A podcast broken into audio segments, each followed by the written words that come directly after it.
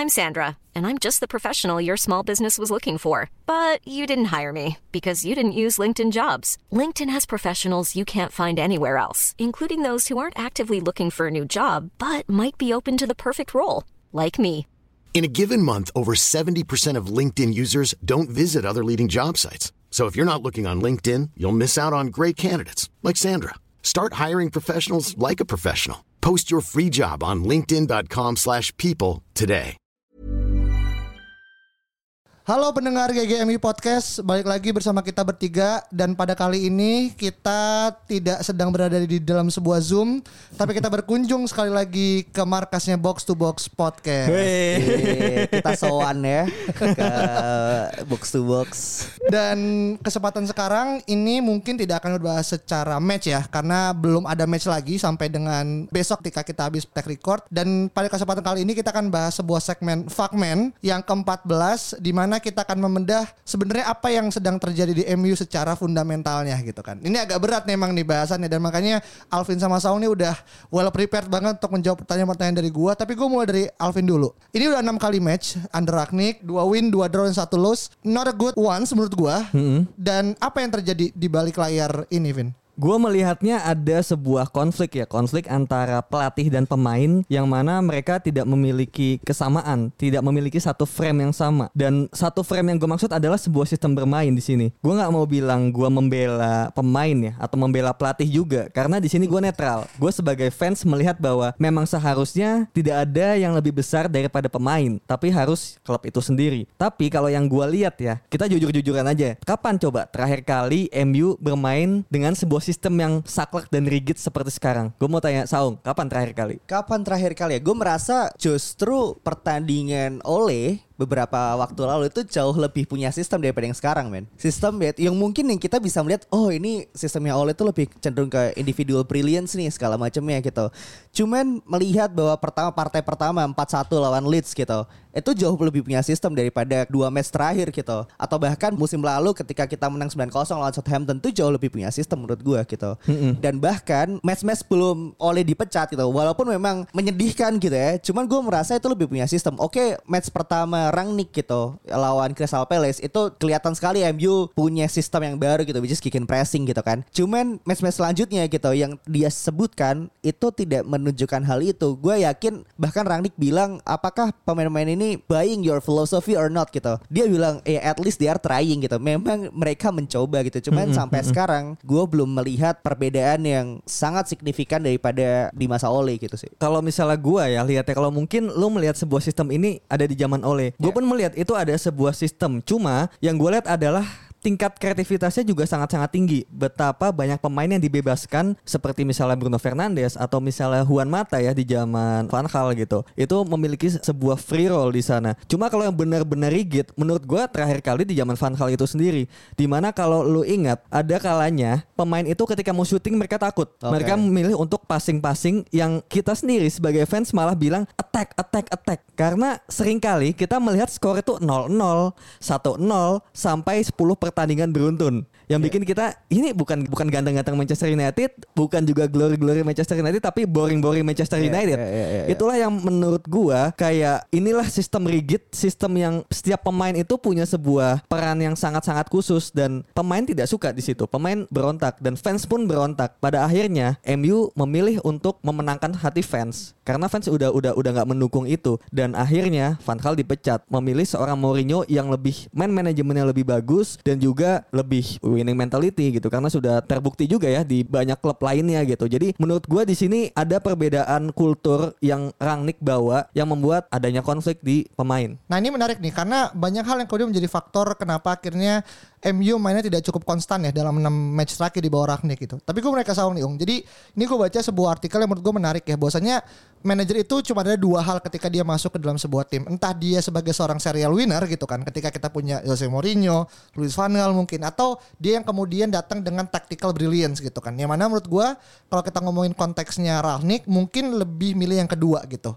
Nah pertanyaan gue adalah simple. Kenapa dengan kita memilih Ragnik untuk yang kedua dia belum bisa menerapkan apa yang dia mau untuk dia mainkan entah karena emang terlalu cepat kita menjudge-nya dan kebetulan lagi eh, tengah musim mak- makanya waktu kita evaluasi atau dia terlalu memaksakan kehendak yang mana sebenarnya MU itu belum cocok untuk main sebegitu rigidnya. Ketika kita mungkin dibilang tiga musim sebelumnya kita main nggak ada pola gitu. Atau lu, lu lihatnya gimana Om? Iya menurut gua kita terlalu cepat sih untuk menjudge Ralf Rangnick ya. Karena sama yang tadi Alvin bilang gitu sistem yang dia pakai mungkin memang bener rigid gitu. Dan terakhir dia lihat uh, waktu zaman Van Hal gitu. Cuman persamaannya adalah Van Hal dan Rangnick. Sistem yang dia terapkan itu bukan sistem yang enam bulan tuh lo bisa langsung jadi gitu. Mereka kan tumbuh dengan suatu ekosistem gitu. Di mana Van Hal dengan uh, Bayern Munchen-nya Ajax-nya Barcelona-nya gitu. Rangnick juga dengan Salzburg-nya Leipzig segala macamnya gitu kan. Jadi memang dia perlu ekosistem yang mendukung hal itu gitu. Dan kalau misalkan kita memang bicara tentang kick pressing gitu Jurgen Klopp waktu pertama kali di Liverpool dia juga struggling man gitu. Dan bahkan dia baru bisa kita baru bisa melihat hasilnya itu ya dua tiga musim terakhir seperti apa uh, Liverpool dengan kick and pressingnya gitu kan. Nah masalahnya adalah pemain-pemain ini tahu bahwa Rangnick ini selama enam bulan dia tidak akan di situ lagi gitu. Dia cuma ada di situ selama enam bulan. Perlu suatu keyakinan bahwa pemain-pemain ini mesti benar-benar yakin gitu loh bahwa Rangnick ini adalah sosok yang tepat untuk untuk membawa mereka masuk lagi ke top 4 gitu kan. Cuman kalau misalkan pemainnya udah nggak yakin dengan apa yang manajer inginkan karena mereka semua tahu bahwa nanti manajer yang baru akan datang dengan pola permainan yang berbeda nah itu suatu hal yang berbeda menurut gua gitu. Jadi memang ini jadi PR yang cukup berat bagi Rangnick untuk meyakinkan para pemain dan juga pemain ini harus secara profesional itu nurut sama pelatih gitu loh. Bahkan Rangnick setelah Lampard dipecat dia kan juga sempat ingin direkrut sama Chelsea kan. Cuman dia bilang gue bukan pelatih separuh musim gitu. Karena gue punya sistem yang harus diterapkan dengan tepat untuk itu bisa berjalan gitu. Dan ini yang menjadi problema untuk United sekarang gitu. United hire Rangnick karena Rangnick setelah 6 bulan dia melatih dia akan jadi uh, salah satu board gitu kan salah satu advisor gitu. Nah setelah itu ya itu PR ya. Nah, ngomongin masalah PR ya, kita lihat di depan mata kita sendiri gitu kan. Dan mungkin teman-teman yang main Twitter paham banget bahwasanya ada rumor yang berkembang gitu kan. Meskipun ini masih belum tahu ya bener apa enggak gitu kan. Tapi ada sekitar 11 pemain gitu kan yang dirumorkan itu semacam ogah-ogahan untuk mengikuti sesi training gitu kan. Bahkan dibilang katanya trainingnya tuh terlalu berat gitu kan. Untuk orang yang dibayar seminggu tuh satu miliaran gitu kan. ini kan sebuah hal yang anomali ya gitu. Lu dibayar satu miliar tapi lu masih ngomong training yang cepat sekitar 2 sampai 3 jam itu terlalu berat gitu. Gue Iya. gue wonder mungkin dia suruh ngangkat traktor mungkin. Sama Iya, iya, Randy gitu. Nah ini gimana Vin lu menanggapi pemain-pemain yang mungkin dibilang katanya bermental apa namanya Tempe. tempe. gimana Vin? Iya iya. Ya gue cukup setuju sih kalau misalnya kalian bilang pemainnya mental tempe. Iya, iya. Ya gue sih cukup setuju gitu. Cuma gini, em, kemarin gue sempat beda pendapat ya sama salah satu netizen di Twitter ketika menggunakan akun GGMU bahwa gue punya unpopular opinion. Bahkan opini gue ini kemarin juga dilawan ya sama Saung bahwa apa sih unpopular opinionnya? Yaitu menurut gue ketika misalnya gue punya sebuah cara memimpin misalnya otoriter. Kemudian gue masuk ke dalam sebuah grup yang terbiasa dengan cara kekeluargaan. Misalnya ya kita anggap begitu ya. Cara termudah untuk mendapat respect adalah berkomunikasi dan bergaul dengan cara mereka yaitu dengan cara kekeluargaan. Hanya untuk masuk hanya untuk mendapatkan respect terlebih dahulu. Bayangin kalau langsung otoriter. Betapa banyaknya konflik betapa banyaknya hal-hal yang mungkin mereka bakal omongin di belakang males-malesan dan akhirnya ketika mereka berontak kita nggak punya power lagi untuk mengendalikan mereka jadi menurut gua how to control them itu adalah yang terpenting. Karena kita semua ini dealing dengan pemain yang mana mereka ini manusia punya perasaan dan juga emosi. Mereka bukan robot yang kita masukin sebuah sistem oke mereka bakal langsung mau kayak gitu. Meskipun kita juga tahu mereka profesional eh, mereka udah dibayar bermiliar-miliar ya. Dan kalau grup ini ternyata adalah orang-orang yang egonya tinggi dan juga merasa artis semuanya artis ya. Konflik besar itu terjadi. Itu perang benar-benar perang ego antara bos yang baru masuk dan juga para pemain yang merasa gue udah nyaman dengan cara seperti ini dan fine fine aja. Lu masuk lu siapa? gitu. Kemarin juga sempat ada yang bilang ya reply akun GGMU bahwa ya udah jual-jualin aja para pemain yang nggak nurut mau setengah squad dijual silahkan tapi lu inget nggak? Kita mau pinjemin Martial aja nggak ada yang mau nih. Ketinggian gajinya. Kita mau jual Lingard ya oke musim lalu mungkin ada kans tapi tetap aja terkendala. Andres Pereira pun juga ya kita harus pinjemin selama satu atau dua musim dulu baru pada akhirnya kita nggak tahu berapa yang akan dilepas. Belum kita bicara misalnya ternyata virusnya adalah Harry Maguire dan juga Wan Bisaka lu mau jual berapa men? Kita Maguire 80 juta. Itu menurut gue sebuah hal yang apa ya? Hampir kayak mission impossible buat dilakukan. Itu sih jadi menurut gue yang pertama tuh orang ini harus menyesuaikan dulu dengan situasi dan kultur. Dan kemudian kedua, kalau pemain sudah terbiasa sudah buying his ideas, barulah pelan-pelan Rangnick menerapkan setidaknya formasi yang benar-benar dia inginkan yaitu 4-2-2-2. gimana ya? Gue kalau misal bicara tentang approach, selama setengah musim ini enam bulan terakhir ini bukan udah udah udah bukan masalah approach lagi, Vin gitu loh. Kalau misalkan lo bicara tentang, iya harusnya secara kekeluargaan lah kita approachnya kita orang ini harusnya beradaptasi dengan pemain itu yang udah dilakukan oleh Gunnar Solskjaer waktu pertama kali dia inherit the squad setelah Jose Mourinho. Betul. Bener nggak? Betul. Nah, selama dia tiga setengah musim ini dia tuh selalu melindungi pemain-pemain ini, bro. Nah, Mas, iya oke. Masalahnya taktiknya Oleh kan nggak jalan. baru-baru aja kan baru-baru aja kan taktik dia nggak jalan gitu dia selama dua musim terakhir dia peringkat dua dan peringkat tiga loh men peringkat tiga lalu peringkat dua gitu dan setelah itu everything went downhill ketika ketika dia memang sebenarnya pengen meng- mengimplementasikan sistem yang emang dia jalanin gitu datangnya Ronaldo mungkin bisa jadi gue gue tidak bilang Ronaldo adalah sumber masalah gitu. Cuman gue yakin gue yakin oleh Gunnar Solskjaer waktu pertama kali bursa transfer musim panas masuk front three-nya tuh uh, Rashford Sancho dan Greenwood gitu. Ronaldo tuh suatu anomali menurut gue dia balik lagi ke United gitu. Dan sebagai fans United tentu kita syukuri hal itu gitu kan. Karena dia tentu pemain terbaik dunia. Cuman masalah approach ini tadi ini udah udah udah bukan kehendak pemain lagi gitu. Kalau melihat prestasi di liga sekarang ya di peringkat berapa sekarang? 7 atau 8 gitu. Ini udah bukan tentang approach man. Ini bukan bukan tentang kekeluargaan lagi. Ini ini udah udah tentang bagaimana pemain harus profesional dengan kontrak yang dia udah tanda tangani berapa banyak duit yang udah dia terima dan tanggung jawab dia ke fans gitu. Karena United tidak seharusnya di posisi seperti sekarang. Oke oke. Nah sekarang kalau misalnya tadi kan gue bicara dari sisi realistisnya ya, how to control the players. Menurut lu gimana cara realistisnya ketika ruang ganti ini udah kepecah dan Rangnick sepertinya dia nggak tahu gimana cara karena dia taktisian kan, dia bukan seorang man manajemen seperti Ole yang mampu untuk menyatukan pemain-pemain yang terpecah. Bahkan ada 11 atau 17 pemain yang udah ini Rumornya. iya, rumornya ya begitu meskipun kita nggak tahu apa yang terjadi Iya. sebenarnya. itu tanggung jawab kapten menurut gua kalau misalkan nah, Eh, sorry. kapten kita siapa? Nah itu dia itu adalah Kapten dalam di lapangan dan juga di kertas tuh beda beda Iya. dua dua hal itu. gue gimana ya mungkin salah satu dosa Ole adalah memilih Harry Maguire sebagai kapten Manchester United gitu cuman memang betul Rangnick gue rasa bukan seorang man management juga gitu dia adalah tactician dan tactician ini di hire karena memang taktik yang diimplementasikan oleh saat-saat terakhirnya itu memang tidak jalan gitu Betul, betul. berarti board memang ingin lo mau gak mau lo harus nurut nih sama nih pelatih gitu kan kalau lo Oke. pengen stay di top 4 lo pengen masuk di Liga Champion ya lo harus nurut gitu dan hal-hal di luar itu kalau misal pemain gak mau nurut ya itu berarti dia nggak profesional dong Oke, terus? Bener kan? Heeh. Ya berarti tanggung jawab pemain kalau gitu. Ini udah down to the players man. Udah bukan udah bukan masalah coaching staff lagi gitu loh. Dan oke, perginya Carrick, perginya McKenna itu memang salah satu faktor juga menurut gua Iya, gitu. Karena betul, memang betul. tanpa mereka, Rangnick nggak tahu nih pemain-pemain mana yang memang oke, pemain-pemain mana yang memang sedang on form, pemain-pemain Nggak yang ada jembatannya. Betul, psychologicalnya memang sedang oke atau segala macamnya gitu. Jadi memang we're in a mess right now, bro. Cuman memang ketika sudah ada di lapangan itu udah tanggung jawab pemain menurut gua. Nah tapi sebenarnya kalau ngomongin masalah pemain yang kemudian agak cukup berantakan secara behaviornya, ini barusan gue baca kalau ternyata MU nge-resign Mick Phelan lagi gitu kan, dan dia adalah sebuah menurut gue ya seseorang yang kemudian dianggap bisa mewakili sebuah generasi yang dia kenal sama kulturnya MU, tapi dia juga paham beberapa pemain yang ya mungkin Rangnick dan juga Chris Almas or whatever yang kemudian Rangnick hire tuh mungkin nggak kenal secara ini gitu. Dan menurut lu apakah ini sebuah langkah taktis yang kemudian bisa diambil sebagai sweet escape untuk kemudian menangani pemain atau iya Mick Phelan is just another give aja gitu. Vin? Kalau misalnya tadi gue setuju banget juga Mas Saung yang gue juga udah sering mention ya di Twitter atau di Iya. episode sebelumnya bahwa kepergian Carrick dan McKenna ini adalah sebuah big loss buat kita. Awalnya kita mungkin nggak nyadar ya bahwa em, banyak juga yang bilang kalau Carrick dan McKenna ini ya just another puppet juga gitu, puppetnya Ole atau puppetnya Glazers.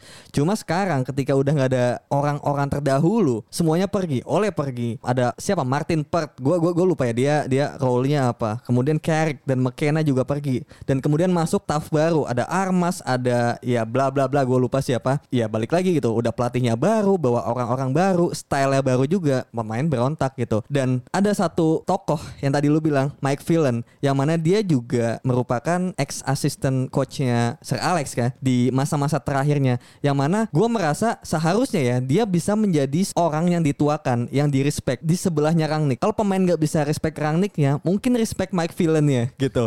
Karena ada juga beberapa pertandingan yang gue baca bahwa pas pertandingan Atalanta dan Villarreal ketika Liga Champions dan ketika mereka comeback itu Mike Villan ada di line-nya apa sih namanya? Iya, iya. Ya itulah di bukan touch- bukan memang dia seharusnya di situ. ya, ya akan, akan lebih aneh kalau dia nggak di situ kan. iya cuti dia ya kan Iya maksudnya Iya. dia benar-benar ada di touchline paling depan yang memotivasi bukannya cuma duduk aja gitu jadi menurut gue sepertinya dia akan diberi sebuah role khusus yang mana mungkin role ini sempat kita tertawakan ya Hmm. ketika Rangnick bilang ya kita nggak tahu role dia apa gitu kan Iya, dulu iya, iya. tapi ternyata mungkin role dia adalah sekarang pemersatu ruang ganti Hmm. ketika Rangnick memang tidak bagus di man manajemen Armas juga ya gue nggak tahu ya dia sebagai first team coachnya mungkin ngapain gitu kan tapi Mike Villan ini sebagai seseorang yang seharusnya bisa menyatukan dari sisi kebapaannya gitu kalau kita mungkin Carlo Ancelotti ya seperti itulah Iya, dan juga sebenarnya kalau ngomongin masalah Mike Villan itu bahkan beberapa fans MU di Inggris nyebutnya sebagai cheerleader gitu. Saking dia adalah orang yang kemudian dianggap bisa ya tadi pemersatu ruang ganti gitu kan. Dan maksudnya ketika lu punya orang yang terlalu teknikal, lu butuh orang yang terlalu main manajemen juga Betul. gitu kan. Dan ini ya sedang dijembatani kenapa gitu. kita nggak oleh aja kita hire nanti ada dua kepala negara kan. Kalau lo tega habis oleh nangis-nangis di eh, interview terakhirnya habis lo hire lagi anjir. buat jadi asisten Iya, makanya. Nah, ini kan kita tadi belum bahas ya. Saat ada tadi kita Alvin cuma nambah 11 pemain gitu kan. Nah, kita main tebak-tebakan nih gitu. Siapa 11 pemain yang kemudian dianggap sebagai biang kerok lah. Tapi kan 11 hanya oknum, Bro. hampir satu tim tapi aku punya tiap hari satu oknum Siapa aja nih kira-kira deh kalau Lama-lama jadi first team ya. oknum FC Siapa ya? Ini berarti ada satu pemain yang dia katanya ya Egois. Iya, selain egois dia juga ngelik lah. Dia membocorkan situasi ruang ganti seperti apa ke media gitu. Lukaku kali Waduh. Nah, Lukaku tuh kampret lagi sih. Nggak, katanya namanya sekarang Lukaka kan.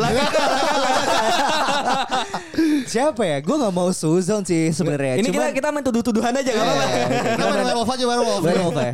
Gua rasa sih Ciselinger sih. kenapa nih Lingard Karena main kagak Exactly, karena pertama dia nggak main gitu. Dan waktu awal-awal dia mau pindah, United menghalangi kan keinginannya untuk untuk pindah pada saat itu karena dengan janji-janji bahwa dia akan diberikan menit bermain yang cukup oke gitu. Tapi nyatanya hingga sekarang dia hampir nggak pernah dimainin lagi gitu. Itu yang pertama Jesse Lingard. Gue mau bilang Donny van de Beek cuman kayaknya kok kayak dia anak baik-baik gitu. Dia Mr. Nice Guy, Bro. Gue rasa dia Mr. Nice Guys memang. Cuman dengan melihat selama semusim ini ya di Premier League, dia cuma main 10 menit men betul itu menyedihkan loh. Jadi kalau misalkan dia memang um, mungkin lewat agentnya gitu, dia bilang hal-hal yang tidak seharusnya dia katakan gitu ya di media bisa jadi menurut gua. Oke. Nah kalau gua pribadi sebelum ke Alvin, gua ngerasa yang mungkin bisa jadi satu pemain adalah Eric Bailey, bos. Karena dia itu kan nggak dibolehin pergi ke Afrika kan sama Rangnick, gitu iya, kan. iya, iya. Sedangkan dia juga nggak dapat jam bermain juga kemarin gitu loh. di Yang- tim nggak boleh main ke negara nggak boleh main juga lu bayangin di posisi dia dia bete juga mungkin gitu kan. Nah kalau siapa Vin kan gue malah menuduhnya kapten kita sih Harry Maguire Agak agak sus juga sih. dia. agak shady sih. iya cuma nggak apa-apa ya kita main tuduh-tuduhan Iya, aja oh, gitu iya. seru aja gue pilih Maguire karena ya nggak tahu ya kemarin sumber yang benar atau enggak katanya cekcok sama Ronaldo yang katanya lu Anjir. mau di only one silverware itu adalah handcuff dia di Greece kan Anjir. Anjir, dia cekcok sama Ronaldo ya udah udah udah salah udah salah itu. bisa-bisanya ya terlepas itu berita benar atau enggak ya gue anggap begitu itu Ah, benar aja sih Iya, iya. Tapi lucu-lucuan di antara 11 ini yang menurut gua ntar kalau misalkan ada 12 mungkin buat MU perjuangan kali kayak dia. tapi tapi ada satu hal yang menarik ya ketika kemarin Fred untuk kali pertama dan dia Iya. bilang kan kalau dia betul bukan tipe orang yang kemudian mau untuk ngerespon gitu. Iya. Dan akhirnya dia buka suara dan semua orang kemudian yang di Twitter yang gue tahu applause gitu kan sama Fred gitu kan dan terkait dengan apa yang akhirnya menjadi keputusan Fred untuk kemudian seolah memvalidasi ya karena kan seolah kayak kalau lo tahu itu rumor ya you will shut up gitu kan. Tapi ketika mungkin ini sebuah hal yang mulai concerning dan mungkin berpengaruh pada kualitas performa teams, mungkin ada satu orang yang kemudian speak up gitu. Dan mungkin dari sudut pandang pemain adalah Fred dan dari sudut pandang legend yang bakal banyak adalah Patrick Evra, the one and only gitu kan. Gimana kemarin lu ngeliat Patrick Evra yang kemudian sedikit banyak seolah ngelindungi Rahnik ya kayak dia kemudian ya when you play with the badge, you play with the heart gitu loh. Iya, of course lah. Lo lihat aja Phil Jones kemarin main seperti apa. Ya harusnya memang seperti itu gitu.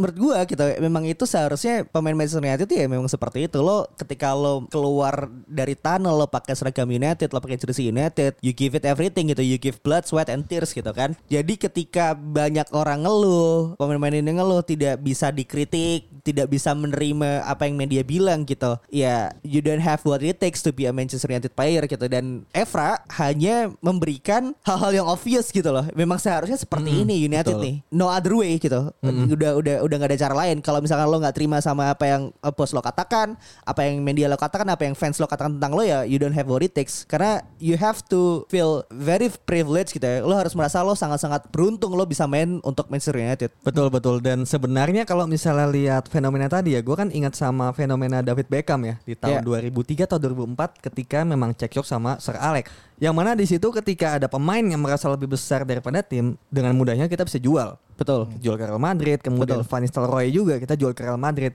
Masalahnya sekarang kita mau jual susah. Itu itu itu menjadi sebuah hal yang kalau gue pikir-pikir perbedaannya sama zaman dulu ya di situasinya ya Iya. adalah ya seandainya semudah itu kita menjual pemain kayak layaknya di game. Iya, mungkin menurut gue itu udah dilakukan karena tim. Iya, karena yang cekcok itu nggak punya kelas man menurut gua gitu. Dalam artian mungkin pada saat itu David Beckham oke cekcok dengan Sir Alex Ferguson, but it's David Beckham, Beckham, right gitu. mm-mm. Sekarang Lingard mau cekcok sama Rangnick gitu. Ya yang lo bilang tadi siapa yang mau beli Lingard sekarang kan dengan harga yang tinggi gitu. Iya, uh-uh. Masalahnya di United adalah sejak dulu gitu sejak Sir Alex Ferguson pensiun kita tuh cenderung untuk memberikan gaji-gaji yang nggak masuk akal ke pemain-pemain ini gitu. Yang mana harga-harga mereka tentu juga akan meningkat gitu kan. Sekarang kalau misalkan Harry Maguire punya masalah di United gitu, ya yang bilang tadi siapa yang mau beli Harry Maguire dengan harga let's say 80 juta gitu? Nggak ada, men. Nggak ada. Setengah harganya kan orang mikir-mikir kayaknya. Makanya sulit. Makanya kalau misalkan ada yang bilang standar di United have been dropped, ya bener. Ronaldo pasti tercengang men waktu Iya, dia iya. pertama kali datang ke United lalu melihat ruang ganti seperti apa gitu. oh, ini Karena- kapten gue nih gitu. Iya karena pasti beda banget Karena pasti beda nggak ada sosok-sosok seperti Vidic, seperti Ferdinand, seperti Evra, seperti Giggs itu udah nggak ada. Semuanya bahkan ya dia sendiri gitu loh. Dia memikirkan apa yang gue penting main bagus terserah lu lah gitu. Ini yang ini yang bahkan Luxia kemarin bilang kita nggak ada kekompakan nih waktu di di di atas lapangan gitu. Dan itu yang harus dibenahi sekarang. Betul. Apakah Luke Shaw menjadi salah satu virus? Gua nggak yakin mungkin virusnya udah menyebar sekarang. Tumben gak ada yang nyebut Pogba. Biasanya kan kalau media Inggris kan an- sangat sentimen banget dengan Paul Pogba gitu.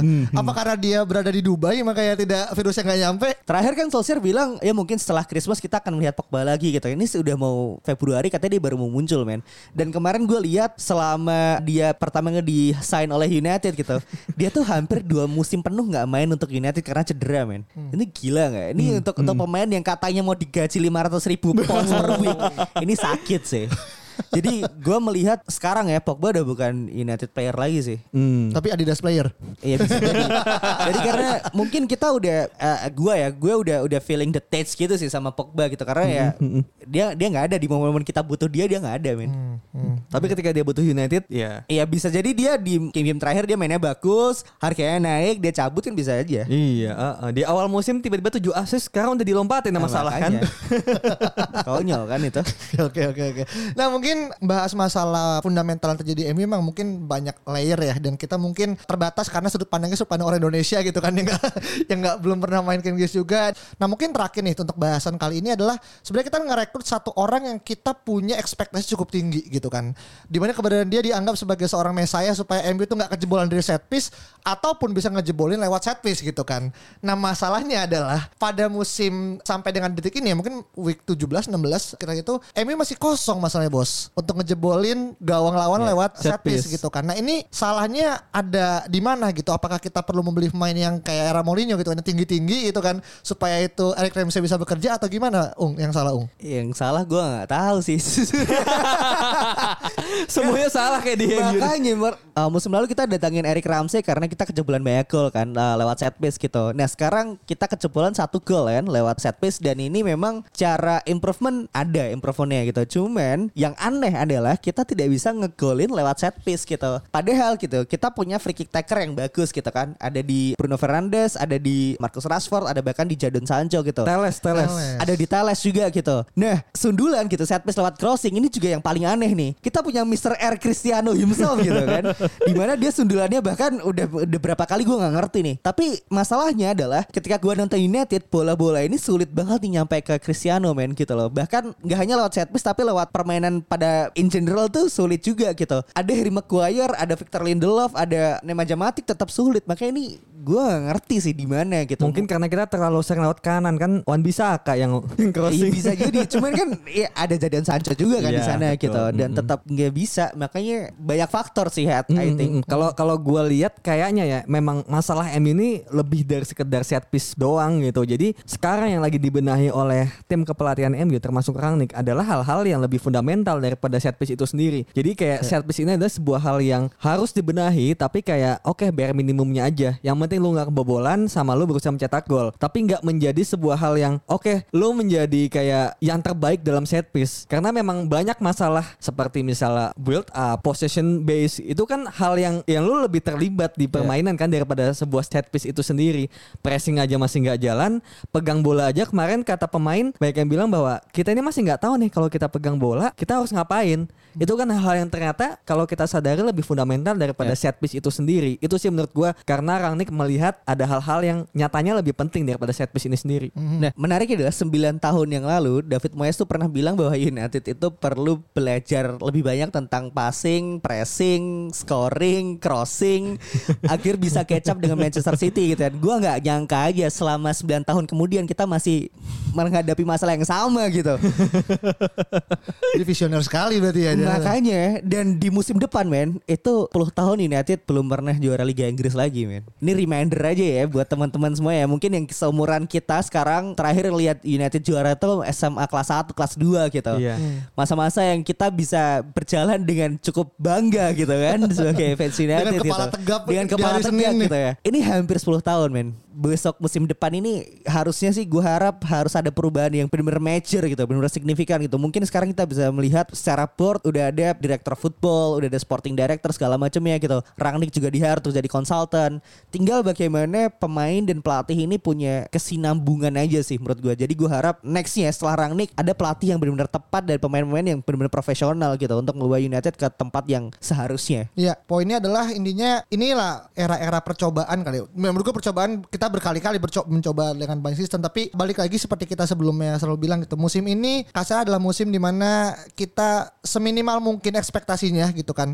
Jangan terlalu tinggi. Sembari kita juga lihat apakah ada perubahan secara major gitu kan. Mengingat tahun depan udah 10 tahun gitu.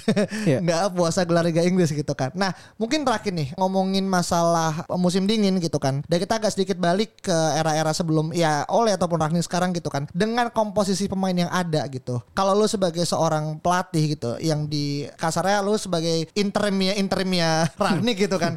Kira-kira formasi apa yang ingin lu coba terapi untuk paruh kedua musim ini, Vin? Gue ya berarti jika aku menjadi Rangnick ya, Iya. formasi dan pemain-pemain yang ada ya, yang ada sekarang ya, gue akan memainkan formasi yang nggak asing untuk pemain-pemain itu sendiri. Balik lagi yang gue bilang bahwa pelatih harus dikit adjust dengan para pemain. Karena 4-2-2-2 ini memang gue melihat pemain struggle di situ. Gue bakal memilih formasi 4-3-3 flat yang mana kiper sudah pasti David De Gea. Untuk back udah pasti gue juga pilih Diogo Dalo, Lindelof, Varane dan juga Shaw. Harry Maguire kalau bisa cedera-cedera aja nggak apa-apa gitu. Phil Jones nggak ada nih. Cadangan pertama sih. Oke. Cadangan pertama dulu. Tengahnya tiga, gue pilih Matic, Fred dan juga Bruno. Kenapa gue pilih Matic? Karena gue melihat bahwa tetap butuh orang yang bisa mengalirkan bola dan sebagai jembatan antara lini belakang dan juga lini depan. Kenapa Fred? Karena daya juangnya dan juga agresivitasnya. Kenapa Bruno? Lagi-lagi untuk kipas ke depan. Dan Bruno ini bermainnya menurut gue jangan terlalu ke depan tapi sejajar dengan Fred. Jadi dia harus lebih bekerja keras. Depannya menurut gue udah paling bagus adalah Sancho di kanan, Ronaldo di tengah dan juga Rashford di kiri. Itu menurut gue udah paling bagus dan ya oke Mason Greenwood bisa switch dengan mungkin Sancho gitu. Jadi formasi andalan gue tetap 4-3-3. Oke, empat tiga tiga flat. Lu apa nih, Ung? Gue tetap pengen stick sama 4-2-2-2 sih Karena gue belum melihat potensi maksimal ya Oleh formasi ini gue nggak tahu apakah memang ini perlu waktu Cuman kalau misalnya gue boleh milih pemain yang cocok untuk 4-2-2-2 Itu yang pertama tetap sama David De Gea Ada Alex Telles, Rafael Varane, Victor Lindelof tentu saja Dan eh, Diogo Dalot Karena Diogo Dalot juga cukup oke ya daripada Wan Bisaka gitu. Bukan cukup oke kayaknya ya. Satu level di atas. Kenapa kenapa lu pilih Alex Telles daripada Luke Shaw? Karena crossingnya sih men Karena bagaimana dia deliver bola ke final third sih Tapi Shaw musim lalu juga asisnya banyak loh. Iya, tapi gue tetap pilih Alex Telles karena harusnya dengan pemain sekaliber Alex Telles gitu dan prestasi dia di Liga Portugal gitu. Liga Portugal loh. Liga Portugal ya. Bruno Fernandes dari mana? Liga Portugal. Eh, makanya ada ada hal-hal yang yang nggak make sense kalau misalnya dia nggak bisa perform gitu karena Bruno Fernandes aja bisa gitu kan. Makanya gue tetap ingin memberikan chance ke Alex Telles gitu. Dua di tengahnya McFred. Iya, karena gue nggak yakin sama Nemanja Matic apakah dia punya cukup kaki yang kuat gitu untuk intensitas yang cukup tinggi gitu. Terus kanan Jadon Sancho, kiri Mason Greenwood. Nah dua di depannya gue pilih Bruno Fernandes sama Cristiano Ronaldo sih. Dengan asumsi Fernandes nggak perlu maju-maju lah. Dia cukup bagaimana dia deliver bola dari tengah ke depan aja sih. Gitu. Berarti 4-2-3-1 dong. Mirip, mirip, tapi 4-2-2 gitu. Jadi dengan misalkan kalau misalkan kita mau attack nih, ini bisa 4-2-4 atau 4-2-3-1 atau 4-2-2-2 gitu. Jadi memang tergantung bagaimana kita approach pertandingan itu sih. Oke, Cuman oke. by desainnya gue tetap pengen 4-2-2-2. Oke, oke. Oke, ini menarik ya. Bahwasanya ada dua hal yang kemudian berbeda. Tapi kalau gue pribadi gitu kan, kalau gue harus jadi pelatih MU, mungkin gue akan menggunakan standar 4-4-2 aja sebenarnya sih. tapi bukan 4-2-2 yang tadi Saung bilang gitu kan. Tapi lebih kepada gue pengen kemudian kalau kita terlalu banyak meromantisasi apa yang ada sama Sir Alex, kenapa kita ngelakuin hal yang sama lagi gitu. Menurut gue kita punya kok kualitas yang kemudian mumpuni gitu kan. Ditambah mungkin secara mungkin kalau bisa dari belakang gitu kan. De Gea, Shaw, Varane, Lindelof, Wan Bisaka. Wan Bisaka. Oke. Wan Bisaka. Beneran nih. Mantap. Beneran Wan Bisaka. Iya Wan Bisaka dong. Kenapa? Kenapa? Karena gimana ya? Gue pribadi ngelihat penempatan Daloh ya gitu sebagai gini, gini Daloh itu menurut gue bagus as in potensial sebagai backup. Tapi kalau lu harus kemudian mengandalkan dia week in week out untuk kemudian bermain secara konstan dengan jam terbang yang dia punya sekarang lebih kepada lebih sedikit bahkan dibandingkan Wan Bisaka dibandingkan dua musim sebelumnya, gue nggak cukup yakin dia bisa menanggung beban tersebut. Itu lebih kepada beban moral aja sih Vin. Iya, iya, iya, Dan menurut gue iya. Dia di match terakhir nge-cross kok gitu. Meskipun masih struggling ya. Dan yang ketika babak pertama lawan Wolves kan dia kan hampir ngebuat Ronaldo sundul kan. Meskipun bola iya, akhirnya iya, sedikit kelewatan. Jadi menurut gue ada perkembangan dan itu menurut Iya, gue iya, perlu iya. diapresiasi gitu kan. Di tengah Pogba. Pogba dan Oke. juga Matic gitu kan.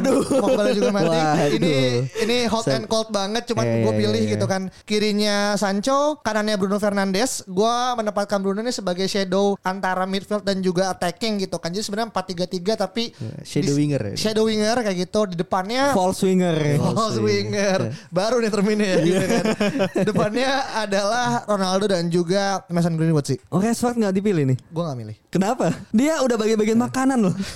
Mungkin dia akan maju mencalonkan diri sebagai perdana menteri. gue takutnya malah ke sana udah waktu ya kan. Iya iya iya. iya. Kayak gitu. Jadi ya beda-beda kan. Antara kita punya berbagai macam haluan juga gitu kan. Haluan iya, apa? iya. Jadi lo ingin meneruskan tradisi Sir Alex Ferguson ya? Why not gitu 4-4-2 kan. ya? Kalau biar Oke. kemudian terlalu banyak bilang Saf kita kangen Saf ya kenapa lu buat lagi aja gitu kan. Siapa tahu mujur gitu kan. Dan kita nggak pernah tahu kan mana yang kemudian lebih cocok gitu. Itu palingan pembahasan terkait dengan fundamental hingga kemudian masuk ke dalam hal yang cukup halu ya karena kita sebagai pelatih gitu kan.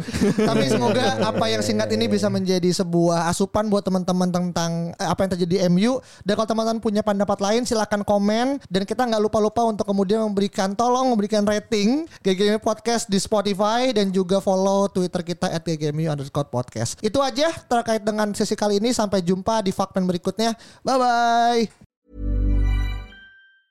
Planning for your next trip?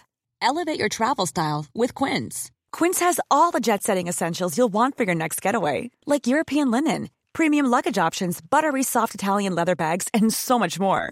And is all priced at 50 to 80% less than similar brands.